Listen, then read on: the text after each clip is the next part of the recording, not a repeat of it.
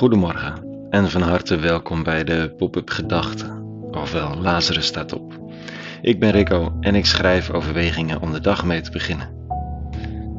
Vandaag met de titel Dat je weet wat goed is.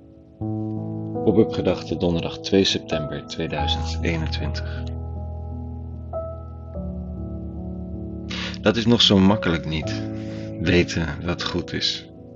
Zeker in een post-truth, postmoderne tijd van beleving, alternatieve feiten en zo nog het een en ander. De grote verhalen hebben soms heel terecht grote klappen gekregen. En kennis is gedemocratiseerd. Iedereen kan het hebben en beroept zich op eigen bronnen. Maar hoe weet je dan wat goed is? Het zou best aardig zijn als ik daar in deze vroege ochtendgedachte gewoon nou eens het antwoord op zou geven, zodat we het weten hebben we dat ook afgehandeld. Maar helaas, dat ligt dan weer net te ver buiten mijn bereik. Weten wat goed is. Je voelt het soms aan je water. Net als dat je je schuldig kunt voelen omdat je weet of wat je deed of dacht of hoopte of verlangde niet oké was. Ik hoop dat die dood neervalt, de kwal. En je weet dat dit niks met de ander te maken heeft. Dat je je kapot zou schrikken als het zou gebeuren. Het allemaal zwaar onredelijk is die gedachte, maar je hebt hem wel. En je weet dat het niet klopt, maar voordat je überhaupt kunt analyseren, gaat er al een steek door je geweten. Je hoeft niet eerst te gaan zitten om na te denken of er ergens iets over een schreef ging.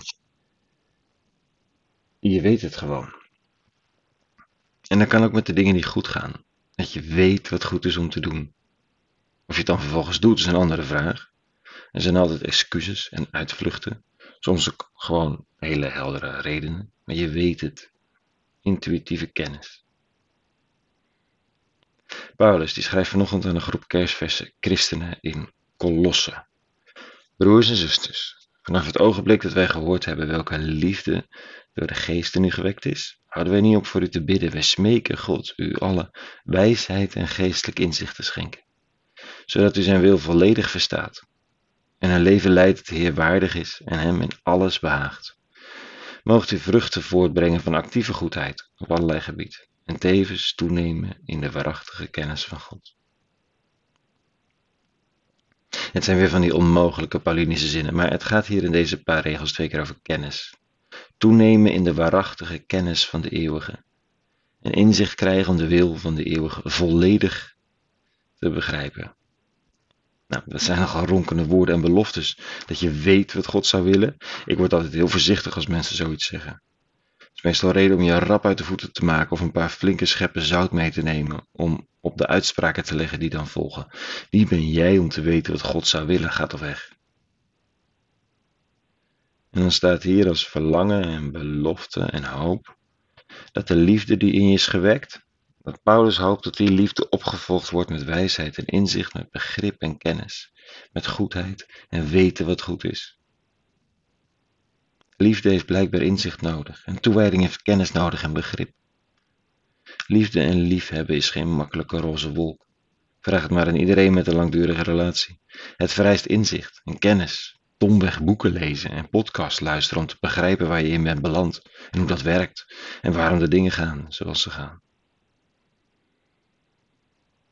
Conclusie van vandaag. Liefde heeft inzicht nodig. En het goede doen zou bij voorkeur gepaard moeten gaan met een inzicht in het grote verhaal van de wereld of de nou, waarachtige kennis van God, zoals Paulus het zegt. Dat neem ik mee de dag in. Dat ik weer opnieuw met nieuwsgierigheid wil leren begrijpen hoe het zit. Waarom de dingen gaan zoals ze gaan. Misschien wat mijn rol daarin is. Wat de rol is van de gemeenschap waar ik deel van uitmaak. En hoe we samen iets kunnen begrijpen van wat zo groot hier de wil van God genoemd wordt. Blijkbaar is dat binnen het bereik van ons mensen. Het begint met liefde en het goede doen. Dat zijn de eerste stappen op de route. En dan is het zaken goed verstaander te worden, inzicht in de wereld en een intiem leren kennen van wat wel eens de wil van God zou kunnen zijn. De wil, of het verlangen of de hoop. Het gaat hier niet om de eisende wil van een moralistische God met een meetlat en een knuppel maar het verlangen van de Schepper, de hoop van de helende en kwetsbare Jezus van Nazareth en de levengevende kracht van een geest die door de wereld dwaalt. Zoiets vanochtend. En dat dan weer op aarde brengen in het gewone leven van deze donderdag. Een hele goede donderdag gewenst. En vrede. En alle goeds.